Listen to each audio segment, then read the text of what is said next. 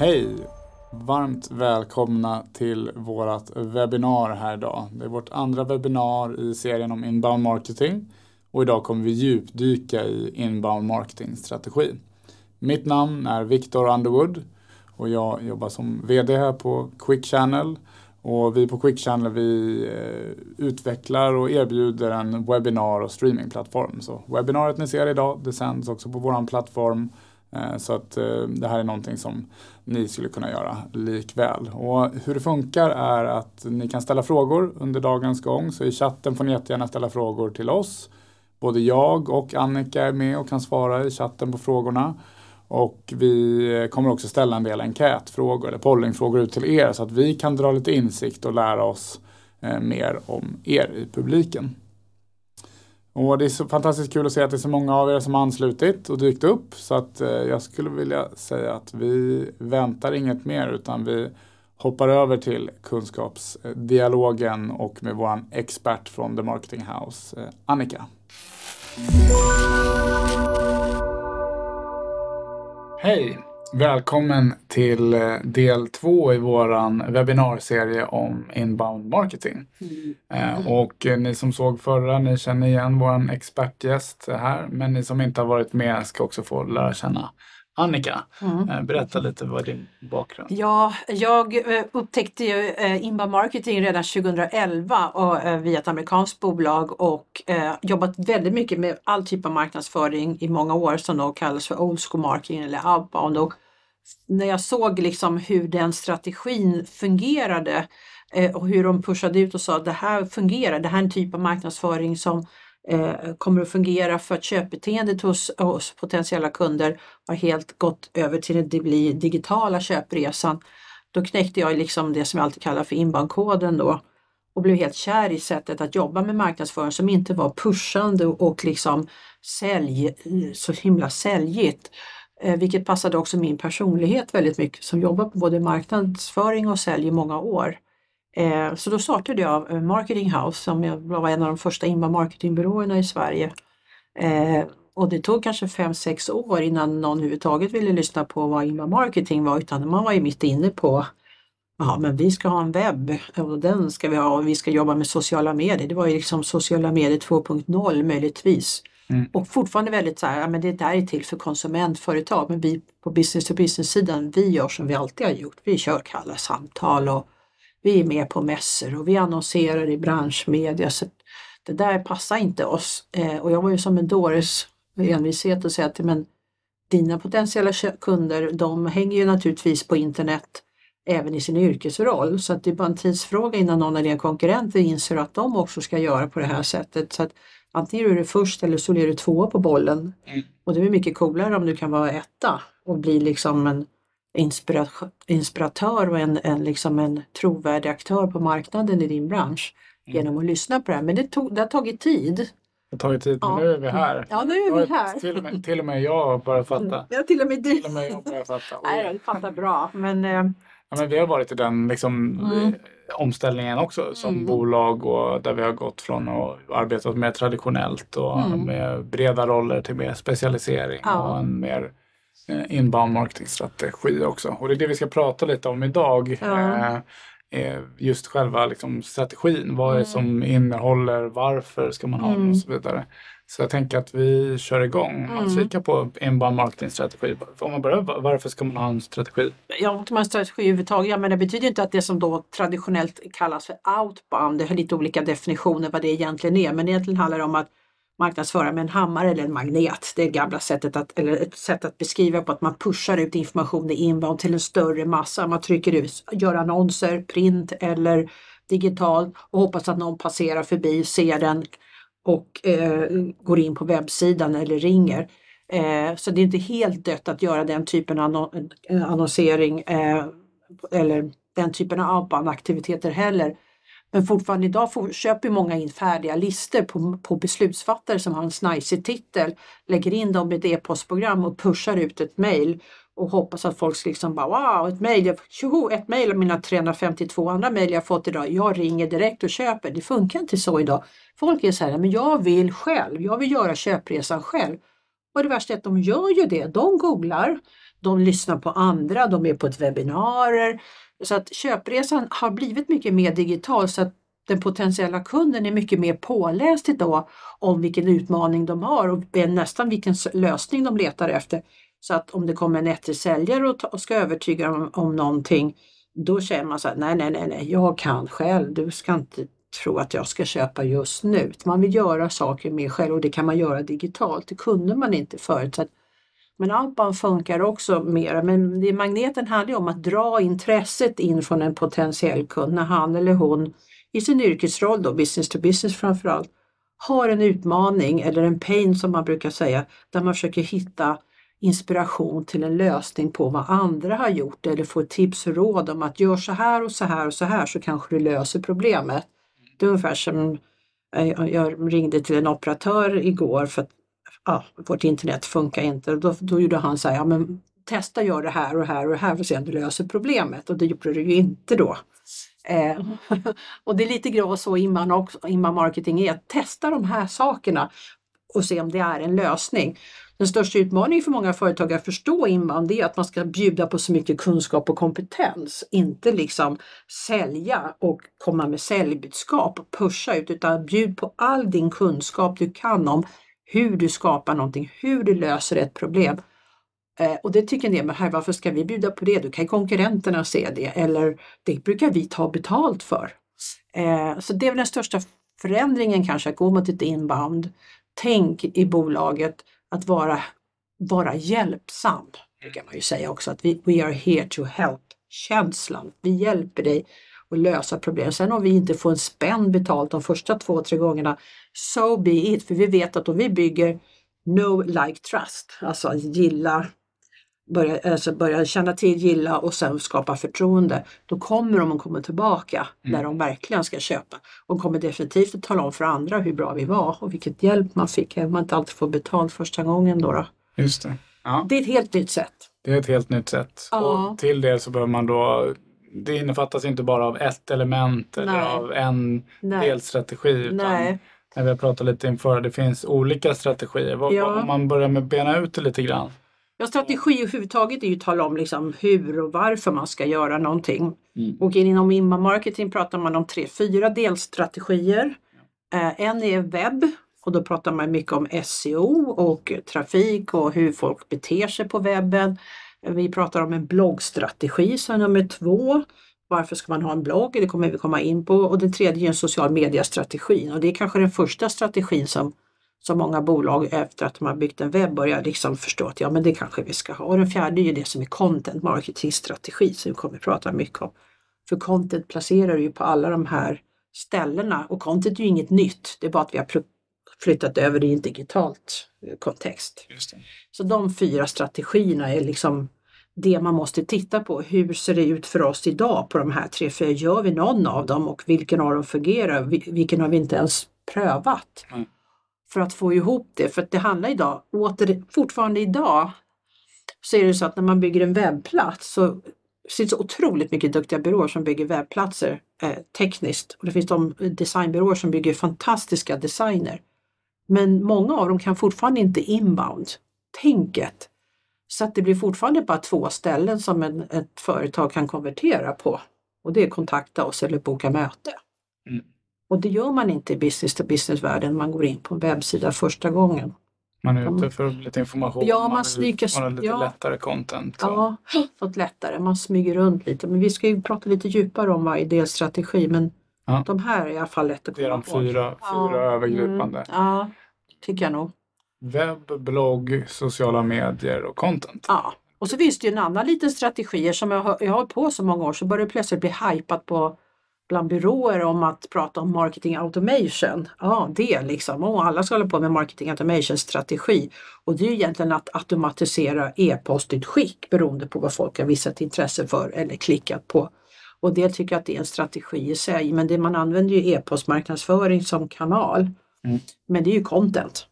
Mm. Eh, och när, när byråer börjar uppfatta, ha med marketing automation, det att göra e stora e-postkampanjer istället för att göra postala kampanjer som man gjorde förr, då börjar man tycka, ja men det fattar vi, det ska vi göra också. Men det är väldigt avgörande på vilket innehåll de har så där, det ska Ja. vi komma tillbaka till på content-strategin. Just det. Men vi river igång då och börjar med den första, webbstrategin. Ja, precis. För att om man ska sätta en strategi då måste man också titta på vad har vi idag? Vad fungerar? Vad fungerar inte? Vad behöver vi kanske lägga till? Och en webbstrategi pratar man ofta om SEO i första hand och sökordsoptimeringen. Hur väl rankar vi på webbsidan, eh, vår webbsida på de viktigaste sökord eller kombinationer av sökord, long tail keywords som vi vill bli rankade på? Ja, vi kanske kommer upp hyggligt bra på vissa, men andra kommer vi inte alls bra upp på. Men vad är det som också gör att man måste också analysera och se vad är det som gör att folk kommer in på vår webbsida. De kanske har sökt på en helt andra ord för att, eh, och kommit in på sajten på det sättet för att man inte har varit lika rankade men de har varit så specifikt letat efter någonting och kommer in. Så att man måste ändå titta på Behöver vi liksom jobb, göra någonting mer på vårt SEO-arbete och sökordsoptimeringsarbetet? Eller behöver vi också annonsera? Man pratar ju om SEM då, att göra kanske Google-annonsering. Men det är jätteviktigt att se, rankar vi verkligen på rätt saker? Eller finns det hål där vi borde ranka högt men som kanske inte är klockrent det vi gör men som gör att vi, kunden kan komma in till oss på ett annat sätt. Men framförallt vad det är de verkligen har sökt på för att hitta in till oss. Eh, och det andra är också hur väl tar vi hand om dem? För det har jag pratat om många gånger att att driva in trafik till webben är ju egentligen ingen rocket science idag. Man kan ju få 10 000 besökare in via en betalkampanj. Men är det rätt besökare? Hellre ha så mycket rätt besökare än många. Ja. Men de flesta går ju ut. Jag, menar, jag tror Google gjorde en undersökning för fem år sedan som sa att 90 procent av de som kommer in på en webbplats kommer aldrig tillbaka. 90 procent! Det är ju förödande. Det är hemskt. Nej. Ja men det är hemskt. Ja men man vet ju själv, man, man söker ändå och går in på Google och så letar man efter något så hittar man en sajt. Det, ah, det var inte tillräckligt bra, jag går ut, jag tar lunch och så gör jag om det efter lunch. Ja då går jag inte in på den sidan igen för det har jag ju redan varit för den visar att det var inte tillräckligt bra utan man vrider om sitt sökord. Ja. Så sökordsoptimering måste vara mycket mer bredare i det fallet men också hur väl tar vi hand om våra besökare? Har vi någonting som kan locka folk som kommer in första gången eller de som kommer tillbaka till att avslöja vilka de är? Mm. Och då pratar man om ett fint ord inom inbound marketing som heter konverteringsstrategi också. Vad är det för formulärer vi har på webbsidan som gör att folk kan fylla i en information så vi vet liksom kött och blod. Vem är det som är inne på min sida? Man kan ju ha spårningskoder inne som kan söka på IP-numren. Men det är först när folk fyller i ett formulär som man vet exakt personen. Eh, bransch, e-post och så vidare. Och då gäller det att ha någonting som gör att de inte kommer tomhänta ut. Då brukar jag ju prata om IKEA-strategin. Alltså IKEA är ju magiskt duktiga på det. Att det går inte att handla på IKEA och gå ut därifrån utan att ha med sig ljus, ni vet värmeljus, blåa servetter och så tjackar man en korv i kassan. Va? Det är ju ingen slump, det är den mest lönsamma produkten de har, det är den där korven för fem spänn. Eh, så att man måste tänka lite som IKEA, att de kommer in första gången eh, på webbstrategin, kan vi erbjuda något när de går ut genom dörren? Ja. Och då finns det så här, man pratar om early conversion strategi, att ja, men det kanske är lätt att signa upp till ett nyhetsbrev eller prenumerera på en blogg eller anmäla sig till ett sånt här fantastiskt webbinar. Det är ju inte för jobbet liksom, du inte committar dig till någonting och du kan ju själv hoppa av när du vill. Så det är viktigt i analysen också, de här två delarna i webbstrategin då. då. Mm. Ehm, Men det är intressant. Vi gick ju- ja. själva igenom och bytte våran webb till HubSpot Mm. under mm, förra året och, och jobbat igenom just det. Mm. Så att man kanske kan fråga om ja, men bara mejlen vid en sign-up för Mm. blogguppdateringar eller mm, ett white paper eller case study och att det är liksom lite eh, lättare för dem att bara ge bort någon kontaktuppgift. ja, Och då är det inte heller att vi sätter full säljstyrka på de leadsen utan då bearbetas de ja. lite passivt och kanske man är med på något webbinar och, och lyssnar vidare. Men sen så frågar man om mer och mer för att ja, de som är lite mer redo att få kontakt. Ja men det är ju så man gör det. Sen är det en säljkultur också. Jag menar, pratar man till exempel med ett företag som Hubs så säger de att ja, men hur fort ska du följa upp när någon har konverterat? Ja, efter två timmar. Det kommer inte funka i Sverige. Då är det så här, tour to the hand. För det, vi, vi i Sverige tycker att det är för tidigt liksom. Utan man måste ju slänga ut en ny. Jag brukar säga att också det som man metar, va? man slänger ut en mask och så ser man om det nappar lite och så finns det risk att man drar upp för snabbt. Ja då lossnar ju fisken. Va? Mm. Man måste mata med något nytt liksom och se om de hugger nästa gång tills de blir så varma att de liksom bara känner snälla kom inte den där masken snart, då ringer jag själv. Mm. Och, liksom. Ja. Och det funkar Mm. på den biten liksom att, att jobba med det tänket.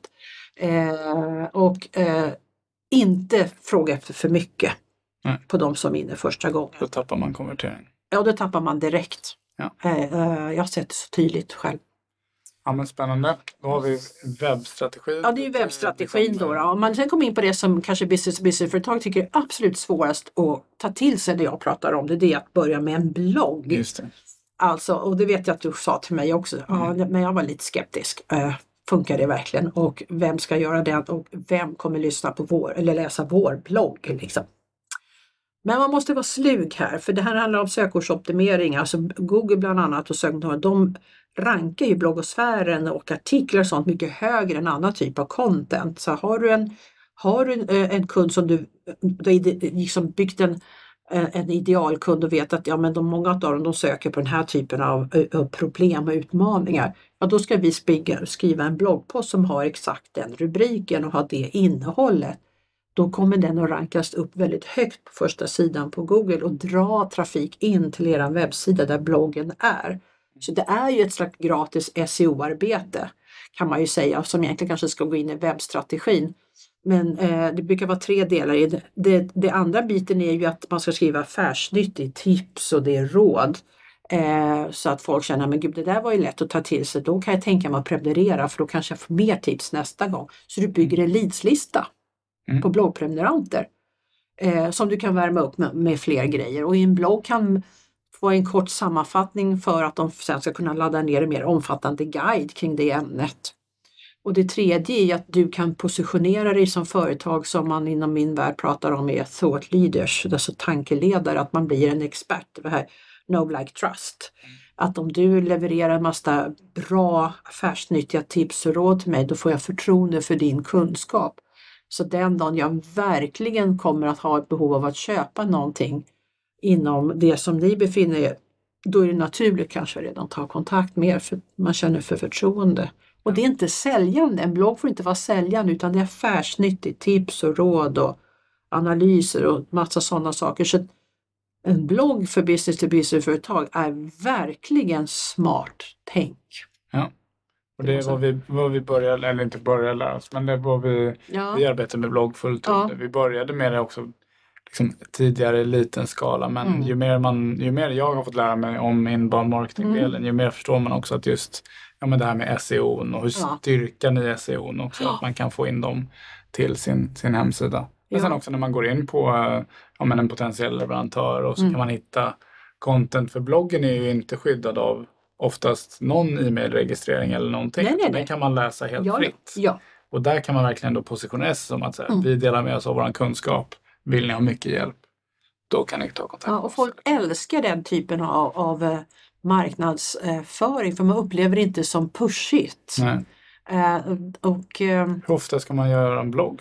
ja, det var ju bra att du frågade den frågan för det är ju den är en väldigt vanlig fråga. Eh, vad jag skulle säga då innan jag kommer in på det, det är att det man missar när man väl sätter igång en blogg, eller missar, jag säger bara det, ta chansen nu och gör så att det är att du också erbjuder prenumeration på bloggen. För det är, en, det är det moderna sättet att göra nyhetsbrev. För då pushar du ut bloggen, just den bloggens meddela innehåll just till den som prenumererar och inte ett långt nyhetsbrev med tio nyheter i det. Nice.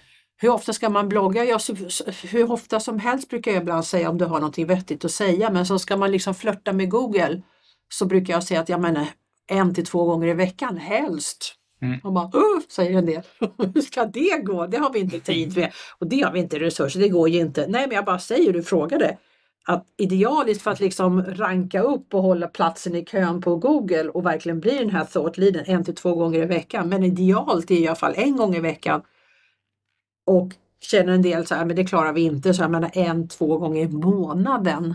En i månaden är liksom lite för lite va, det är lite glest då.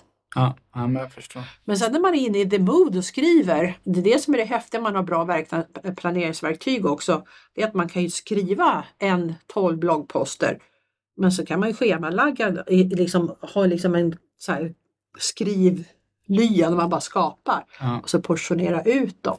Ja, just det. Man måste inte göra, precis, man Nej. kan göra det i Och sen, å andra sidan kan man se på amerikanska bolag när man prenumererar på blogg, de pushar ut nästan varje dag. Då blir man ju lätt trött. Ja, då blir det spammigt. Ja, det blir spammigt istället och där, det, det, det klarar inte vår kultur av riktigt. Men Nej.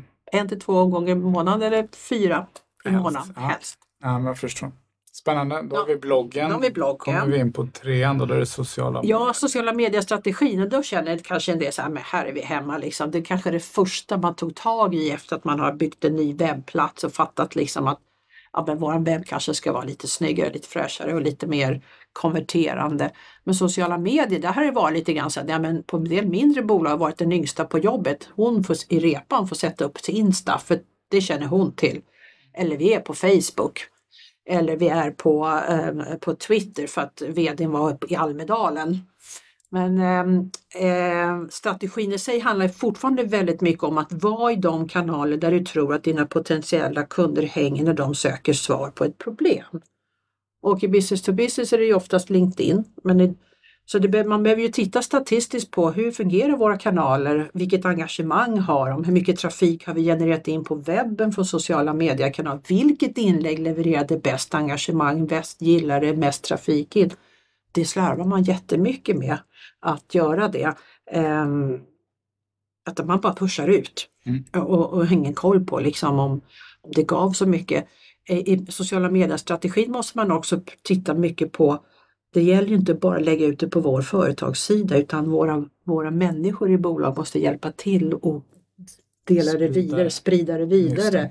Eh, Man måste lära sig algoritmerna på hur det funkar men det räcker inte idag på en företagssida. Jag menar Facebook, det tar 4-5% av följarna på Facebook ser ett inlägg överhuvudtaget. Det krävs 20 inlägg på LinkedIn-sida för att nå 60% av följarna. Så att du måste få människorna i bolaget eller samarbetspartners eller hangarounds att hjälpa dig att sprida. Mm. Men man också titta på det i analysen. Vilka kan hjälpa oss att sprida saker? Till exempel genom samarbeten här som vi gör, att man är Mm. flera som kan komma från olika håll. Så det bör man ju titta på i analysen också. Vad är det för typ av innehåll då? Ja. eh, Som vi delar in och det är naturligt när vi kommer in på content marketing-strategin. Då, då. Men ibland är det så att man behöver inte lägga energi på alla sociala medier idag om det inte är så att de kunderna man vill approacha inte hänger i en kanal. Då är det bara energi som slösas. Och göra liksom kanske utvalda men Ja. göra dem bra. Göra Ja. tillräckligt mycket. Ja, Utbilda organisationen så att man får effekt. Ja, och det blir så att när man väl har satt sin strategi vilka kanaler vi ska fortsätta använda, eller kanske måste öppna en ny kanal som vi inte har haft, så gäller det ju sen att få spridning. Det är nästan som man sätter en färdig text och bild, håller jag på med till en kund nu. Färdiga bilder och texter som de ska skicka till en samarbetspartner så att han kan bara kopiera och, och lägga det på sin kanal. Ja. Du vet, så att, eh, och, och, och då blir det fart på det. Eh, Och sen sätta en plan för det. Och en av de viktigaste bitarna i sociala medier-strategin det är ju det att när man skapar innehåll, det är att repetera innehållet. Inte bara en gång utan man sätter en plan att det går ut efter 14 dagar eller en tre veckor, samma sak. För ingen av oss, det kan vi ju hålla med om, ingen av oss går in och tittar vad man publicerar på en kanal för två veckor sedan. Nej, exakt. Det är bara det som Det är här och nu, liksom. Så repetition är jätteviktigt i strategin att tänka på Ja. i sitt content. Och content, det tar oss Ja. lite in på Ja. pelare fyra. Pelare 4, ja det kan man säga. Content, mark content marketing. Och det blir också naturligt eftersom vi också pratar om eh, video i det här Mm. fallet. Men content marketing eller content det är ju ingenting nytt. Det har ju varit ett innehåll som man placerar någonstans i text, i bild eller någonting. Men det blev först när det blev digitalt som det blev som en strategi tydligt. Vilken typ av innehållsmarknadsföring ska vi jobba med? Ska vi ha texter? Ska vi ha bilder? Ska vi ha video? Ska vi ha livestreaming? Ska vi ha tutorials? Eh, och där är det liksom det saknas liksom en plan för det så det är superviktigt att man liksom tittar vad har vi idag? De bilder vi använder på webben, äger vi dem? Har vi rättighet att använda dem? Får vi använda dem även i sociala medier? Har vi bilder som någon har tagit som vi inte har avtal på? Finns det bilder från en samarbetspartner eller branschen eller leverantörer som vi får använda? Man måste liksom skapa liksom en contentbank med vad har vi i bilder, i rörligt, i checklistor, i guider, i bloggposter. Så det blir som en bank av att, att slösa och använda. Men titta på vad har vi eh, som vi kan använda och vad saknar vi? Och här saknas det ju oftast liksom att ja, men vi har en bild. Ja, men den bilden att lägga ut den kanske inte var så bra, den behöver redigeras. Vi behöver ha verktyg för det. Kommer sen in på rörligt och video, ja då blir folk så här, oj men det är jättejobbigt för det krävs så mycket produktionstänk och vi måste anlita en stor videoproduktionsbyrå. Nej, det behöver man ju inte idag. Idag är det ju liksom här och nu. Ja. 30 sekunder som oftast är mycket roligare. Men jag brukar alltid säga att ska man jobba med bra content så ska det ju vara utifrån bloggen egentligen. Det ska vara affärsnyttigt, det ska vara inspirerande, det ska vara tips och råd. Lyfta fram människorna i bolaget. Pinpointa ett visst problem som man vill sätta en lösning på eller eh, presentera nya medarbetare eller eh, göra livestreaming i form av att man har Q&As till exempel, vanligaste frågorna. Men det är viktigt att man har en ansvarig i företaget som liksom tar fram hela contentstrategin, kanske med hjälp av en byrå ibland, men ändå titta på och inventera vad har vi nu? Nulägesanalysen, vad behöver vi ta fram? Ja. Och när vi väl har det så måste man se vilka kanaler ska vi använda? Är det webben, sociala medier? Ska vi ha det på webben? Ska vi ha det i en webbshop? Ska vi ha det på en powerpoint? Ska vi ha det på en mässa liksom? Ja, Det, content, ja, det är också viktigt liksom, för content är ju det kan både hjälpa och stjälpa ett företag att använda rätt sort. För folk, alltså scrollar man igenom till exempel på LinkedIn så kan jag säga att det mesta är ju dötråkigt. Ju större bolag ju tråkigare är det. Det är de små snabbfotade som ofta vågar ta ut svängarna och Få mycket engagemang. ja, för mycket engagemang. Och, men man, idag är det ju väldigt så här, inte trendigt, men, för det kommer väl här att stanna, men man, man uppskattar väldigt mycket i content, the um, native, Mm. det äkta, riktiga människorna i företaget. En video, den rörligt för att det känns liksom att det är någon människa bakom som jag kanske till och med känner igen eller det känns trovärdigt om man står på en strand i Almedalen och pratar om ett ämne när man sitter i en studio och pratar. Det känns liksom mer äkta och här och nu. Exakt. Det skapar ett helt annat engagemang. Och det är livestreaming är lite så också. För Ja. liksom det som vi- Ja. vi har hållit på med många år. Att eh, det, det, är också, det gör någonting speciellt när det är live. Det Ja. får det här eh, här och nu. Det är Mm. äkta, det är genuint eh, och så vidare. Så att det, det får man oftast bra impact med. Ja, men det de får som man är ju. besökare och lyssnar in. Men just också video som är inspelat Ja. är ju så att folk ser det kanske en minut på, på LinkedIn, det fladdrar förbi eller man gör en videoannonsering på Instagram och sen, men gud det där hängde inte med och Man kan gå tillbaka och se det igen. Mm.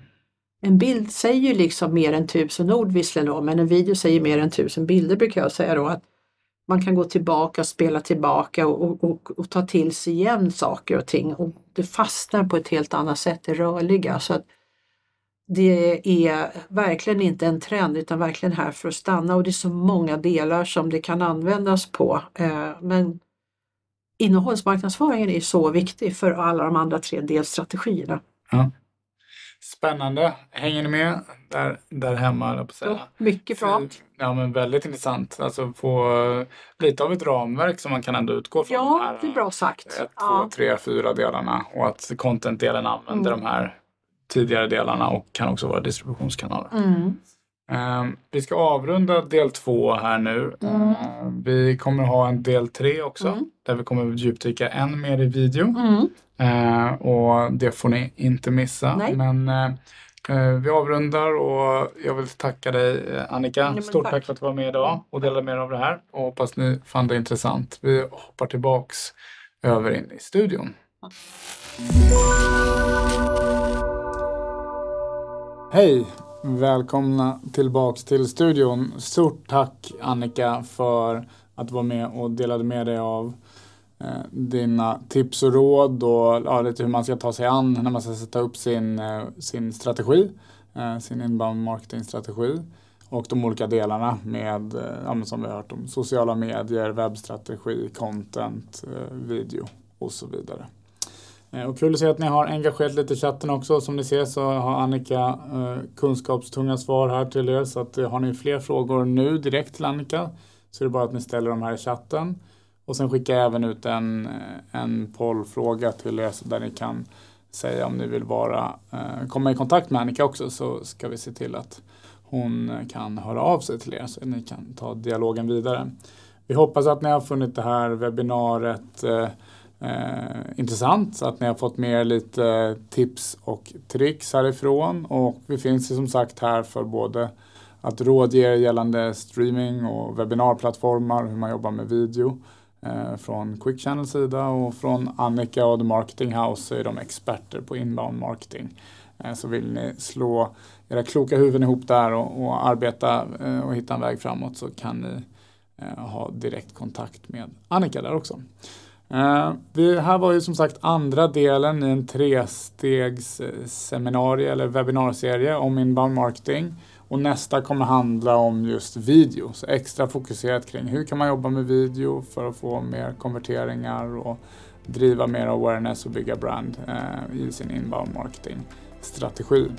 Så vi hoppas att ni signar upp för det. Eh, stort tack för att ni varit med oss här idag och får önska er en fortsatt härlig dag. Ha det så bra. Hej då!